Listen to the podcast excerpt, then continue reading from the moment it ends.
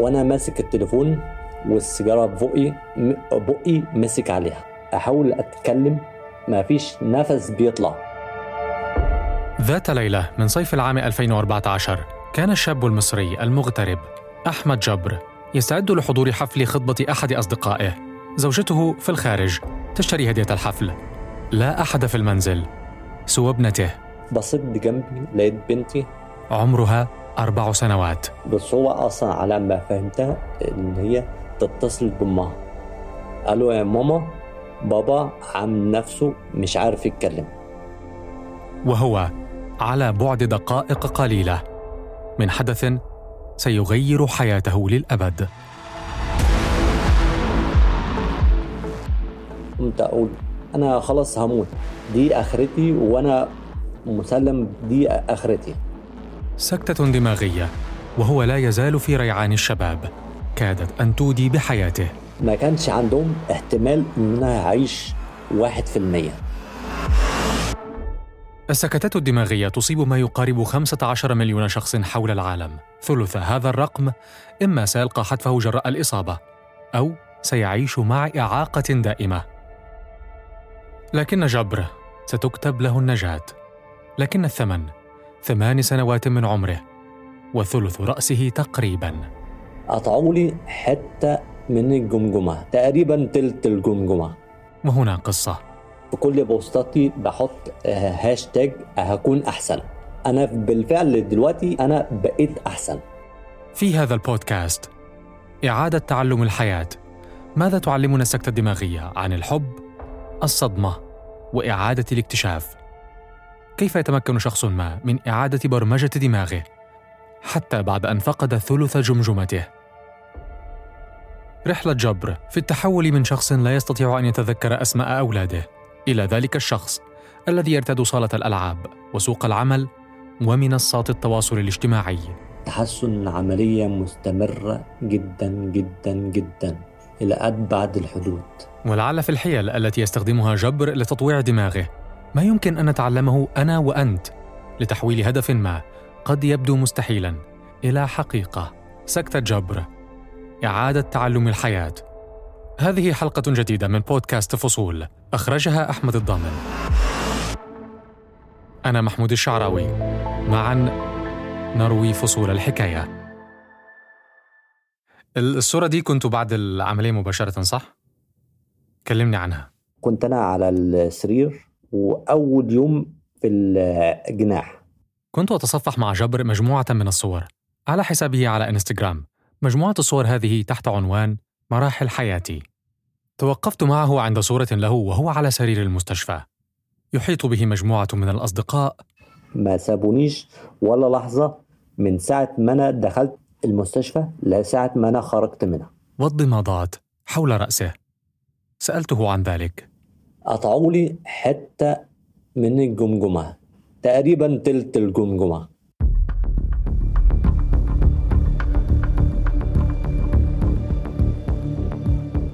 لنكن واضحين. ما حدث هو نزيف في المخ وليس عملية لإزالة ورم من الدماغ. لذلك فالسؤال الذي حيرني لماذا يقدم الأطباء على إزالة جزء من الجمجمة؟ في مثل هكذا حالة. وأظن أن هذا السؤال سيبقى معلقا لحين التحدث مع جراح مخ وأعصاب متخصص. قصة جبر لم تبدأ الآن وإنما بدأت منذ وقت بعيد. وأنت صغير جبر كنت طفل عامل إزاي؟ كنت طفل هادي بس عنيد. تقدر تقول كده آه، راس ناشفة. طب قولي كنت بتعمل إيه؟ أنا من قرية. ف إن حتة نزول الترعة دي استحالة عندنا. فأنا كنت عايز أجرب. فرحت في مرة ونزلت الترعة. وطبعا آه، ما أقولكش على العلقة اللي أنا خدتها من أبويا. الله يرحمه. التجريب جزء أساسي من تطورنا. تستطيع أن تستدعي من طفولتك بعض الأشياء التي جربتها وتسأل نفسك ما هو أخطر شيء؟ قمت بتجربته. بالنسبة لجبر الإجابة هي التدخين. أنا بدأت أدخن من تالتة إعدادي. بدأت أشرب سجاير بانتظام من تالتة جامعة. تواصلت مع الدكتور أحمد حسني مدرس جراحة المخ والأعصاب في جامعة المنصورة بمصر. وسألته عن العلاقة بين التدخين والسكتات الدماغية. عامة لو المريض مثلا بياخد 20 سيجارة في اليوم فهو تقريبا ست أضعاف عن البني آدم العادي ممكن يحصل له جلطة وضعفين لثلاث أضعاف عن البني آدم العادي ممكن يحصل له نزيف في المخ كم علبة سجائر يدخن جبر؟ بدأت أنا أشرب ثلاث علب في اليوم وزادوا آه، أربع علب بعملية حسابية بسيطة تستطيع أن تعرف أن خطر إصابة جبر بالسكتة الدماغية كان ببساطة هائلاً. في الوقت نفسه تقريباً الذي بدأ فيه جبر التدخين، بدأ شيئاً آخر ربما في نظر البعض لا يقل خطورة: الحب. اتجوزت سنة 2007 وكان عندي قصة حب. آه، أنا أصلا أول ما تعرفت على زوجتي تانية إعدادي بالظبط. لحد ما وصلنا رابعة جامعة. قلت لازم أصرحها. أه وصرحتها. في 2002 اتقدمت ليها رفضت. وفي 2003 اتقدمت ليها رفضت. وفي 2004 اتقدمت ليها ورفضت. لحد بقى 2006 وافقت الحمد لله. يعني شافتني مصمم عليها ويعني لكن الأيام تثبت أن إصرار جبر على اختياره كان في محله. في ظروف تعني حرفيا الحياة والموت، كانت زوجته العامل المرجح لكفته. أنا جاي على بالي سؤال يعني هل أنت في أي وقت من طفولتك أو شبابك حسيت إنه اللي حصل معاك ده ممكن يحصل؟ تنبأت بيه؟ حلمت مثلا؟ تخيلت حتى؟ لا أنا بص كنت يعني كنت أرجع كده أتخيل إن إن يحصل لي مرض عضال يعني أو يحصل لي مثلا آه، شلل. كنت أقول أنا موت أحسن أنا موت أحسن. يعني إيه ده؟ آه، إن واحد مشلول كده عايش إزاي؟ يتخرج جبر من الجامعة. يتزوج من حب طفولته. يحصل على وظيفة مرموقة. أنا قدمت والعملية مشيت سموز وكانت زوجته أيضا الدافع والداعم. بس كان في الطرف الخفي. هو إيه؟ هو مراتي. فممكن تشرح لي أنت كنت بتعمل إيه بالظبط؟ من 2008 اشتغلت في الشركة اللي أنا فيها المجال بتاعها الكالبريشن والمعايرة. أنا طبعا ما بفهمش في الكلام ده كله. أنا ليا في المحاسبة. زي واحد زائد واحد بيساوي اتنين. الأرقام هي حياته. لكن شيئا ما. سيفسد العلاقة بينه وبين الأرقام. العيال. لا لا لا مفيش مشكلة. كلمني عنهم عن الأولاد. عندي بنتين وولد. البنت الكبيرة اسمها شذا. آه، دي عمرها 12 سنة. الولد الوسطاني اسمه حسين عمره 10 سنين تقريبا. آه، ال- البنت الصغيرة آخر العنقود اسمها زاد كل شيء تقريبا يسير في الاتجاه الصحيح. بل تبدو الأمور مثالية أكثر وأكثر كلما اقتربنا من لحظة إصابته. حتى أن جبر خلال هذه الفترة بدأ يلاحق شغفه القديم بإطلاق برنامج إذاعي. هل تعرف ما اسم هذا البرنامج؟ اسمه دايما متفائل. نعم دائما متفائل. هكذا سمى برنامجه. كنت أنا أصلا مغير شغل قبل السكتة الدماغية بشهر بوزيشن تاني ومرتب تاني. كمان كان في مسابقة للمحاسبين. أنا كاسب فيها المركز الرابع وكنت هكسب قلم ذهب. قبل السكتة الدماغية بخمس دقايق آه، خطوبة واحد صاحبي وأنا كنت بكلمه على الواتساب بهزر معاه. يعني إيه آه، هتجيب لنا أكل ولا مش هتجيب لنا أكل؟ آه، يعني أنا بالبدلة دي ما خرجش إلا ما تجيب لنا أكل. وأنا ماسك التليفون والسيجارة ببقي بقي مسك عليها. أحاول أتكلم ما فيش نفس بيطلع. على جبر التصرف سريعا حتى وهو في مثل هذه الحالة. بصيت جنبي لقيت بنتي بس هو أصلا على ما فهمتها إن هي تتصل بامها قالوا يا ماما بابا عم نفسه مش عارف يتكلم. قمت أقول أنا خلاص هموت. دي آخرتي وأنا مسلم دي آخرتي. آه، قمت رجليا بتزك بتزك يعني بتعرج آه، بس ما كانش يعني ما كانش العرجان محسوس. ما هي أعراض السكتة الدماغية؟ استمع إلى الإجابة من الدكتور أحمد حسني. أعراض السكتة الدماغية عامة بتبقى واحدة غالبا بنسبة كبيرة سواء هي كانت جلطة أو كانت نزيف. وغالبا إحنا بنحاول دايما لما نوصل للناس إن هم إزاي يعرفوا يتصرفوا بسرعة بنقول لهم بكلمة FAST FAST ال F معناها من facial droop أو facial weakness إن هو بيحصل إن الشفة أو البق بيحصل فيه عوجة والشفة ممكن تقع في الناحية اللي فيها الضعف شوية تسقط لتحت. arm weakness ده الحرف ال A يرمز ل arm weakness ضعف بالدراع وبيبقى معاه طبعا غالبا ضعف في الرجل في نفس الاتجاه. و S speech disorder أو حصل أو speech difficulty إن حصل تقل في الكلام أو في التعبير أو كده. و T بنقول لهم يعني time to call 911 أو ايا كان هم فين. فجأة جت مراتي. مراتي قالت لي بسرعة وتعالى نروح المستشفى. من بيتي للمستشفى سبع دقايق تقريبا. دقيقتين اللي أنا كنت واعي فيهم وخمس دقايق ما كنتش واعي فيهم. اللي بعد كده هتسمعوه ده من مراتي. سندتني وطلعنا على المستشفى المهم جابوني بالويل تشير لحد الدكتور. الدكتور كان آه، آه، صغير. قال لي شارب يا برنس. اليوم الذي أصيب فيه جبر كان التاسع والعشرين من يوليو عام 2014 والذي يوافق ثالث أيام عيد الفطر. في مثل هذا الوقت يكثر الطلب على مخدر الحشيش بين بعض الشباب. لسوء الحظ هذا ما اعتقده الطبيب الشاب الذي استقبل الحالة. مراتي بقى منهارة مش تحلل ومش ت... يعني اعمل أي حاجة اعمل أي حاجة وبعدين شوف هو شارب إيه. لذلك لن يتم تشخيص الحالة بنزيف في المخ إلا بعد وقت طويل نسبياً. المهم قعدني في غرفة الملاحظة ساعتين. والوقت بالغ الأهمية أو كما يقول الدكتور أحمد حسني time is brain كل دقيقة بتعدي على مريض السكتة الدماغية هي بتعني موت ملايين الخلايا العصبية في المخ.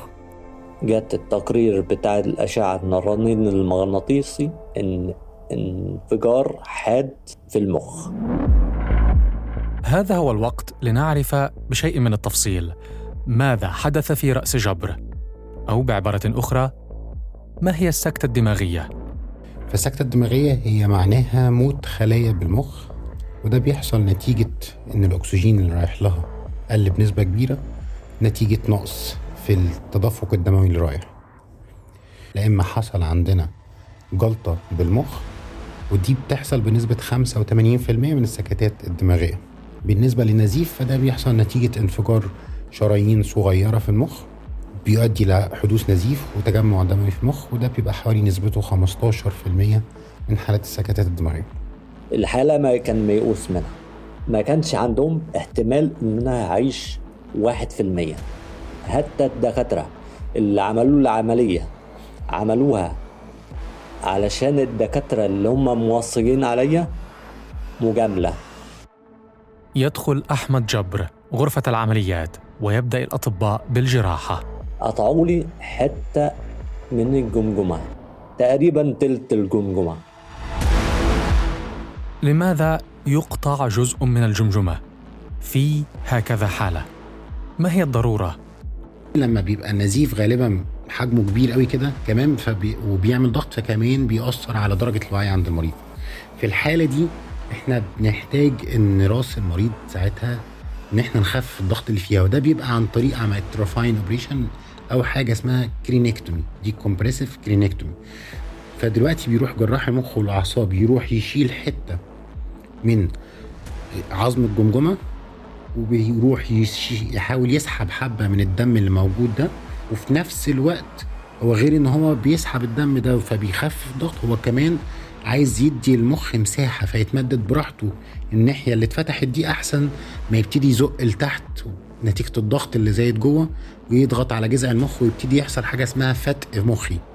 فيبتدي ينزل تحت ناحية الحبل الشوكي ودي بتبقى حاجة مميتة غالبا. لكن آه، إرادة ربنا خلفت كل شيء.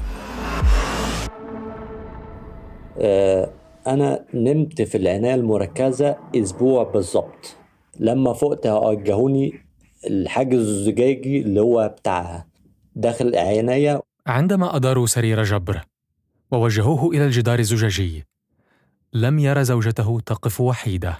في مراتي وصحابي وناس أنا أصلا ما أعرفهمش. فوجئت بإن كلهم لابسين التيشيرت بتاعي اللي هو دايما متفائل.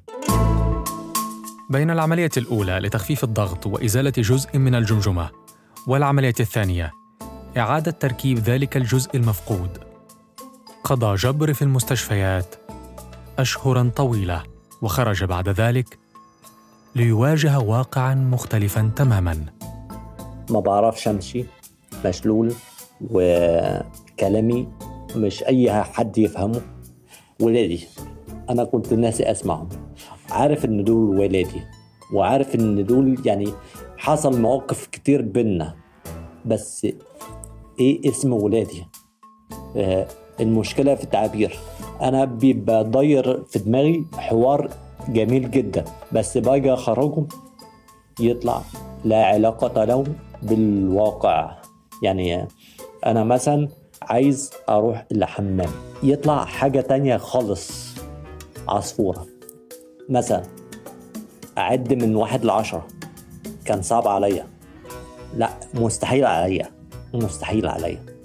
لابد من خطة للمقاومة. والإلهام كان الخطوة الأولى في هذه الخطة.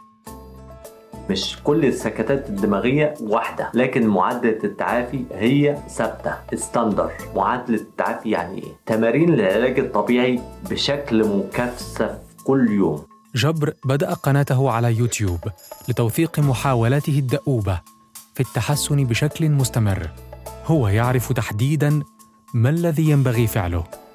كده أنا عندي شل نصفي. مشكلة في الكلام. قلت دي أكبر مشكلة عندي. قمت اشتغلت عليها. بعد سنتين تقريبا من بدء تلك الرحلة اتخذ جبر قرارا فاجأ حتى طبيبه المعالج. قررت أنزل الشغل مع الشركة القديمة. خدت رأي الدكتور التخاطب قال لي لا أوعى بلاش. آه أنت ممكن حد من الموظفين يقول لك كلمة تضايقك. وبالفعل نزلت الشغل ونفذت كل اللي في دماغي. آه هو كل اللي بيقول عليه ده حصل بالفعل. إنما أنا كان عندي هدف ان أتطور في الكلام. الناس كده كده هتقول. هم أساسا مش عارفين حالتي. وبالفعل بعد ست شهور اختلفت العملية خالص بالنسبة لي. الكلام للأحسن بقت نفسيتي أحسن وكلامي بقى أحسن والحركة بقت أحسن لدرجة كمان استغنيت عن العكاز وبدأ التطور ولسه بتطور. قطع في الجمجمة وشل نصفي وحبسة كلامية ومشاكل في الذاكرة وصرع. يا الله على الصرع. ده أسوأ حاجة ممكن تحصل لك بعد شهر تحصل لي أنا بيصاحبها حالة اكتئاب حاد. الله يعافينا كلنا منه. صعب صعب صعب. الأشياء السيئة تحدث في الحياة. ربما بلا سابق إنذار وربما بإنذار تم تجاهله. لكن تبقى دائما قيمة المرء في قدرته على تحدي ظروفه حتى وإن تلقى حرفيا ضربة في الرأس. سكت جبر لفترة ما لكنه عاد ليقول بأفعاله قبل أقواله أن التحسن عملية مستمرة. أنا محمود الشعراوي. دمت في صحة وسلام. بودكاست فصول نروي معا فصول الحكاية اشترك في الحرة بودكاست على أبل بودكاست وجوجل بودكاست وتابعنا على سبوتيفاي يوتيوب وساوند كلاود كما يمكنك الاستماع إلينا على راديو سوا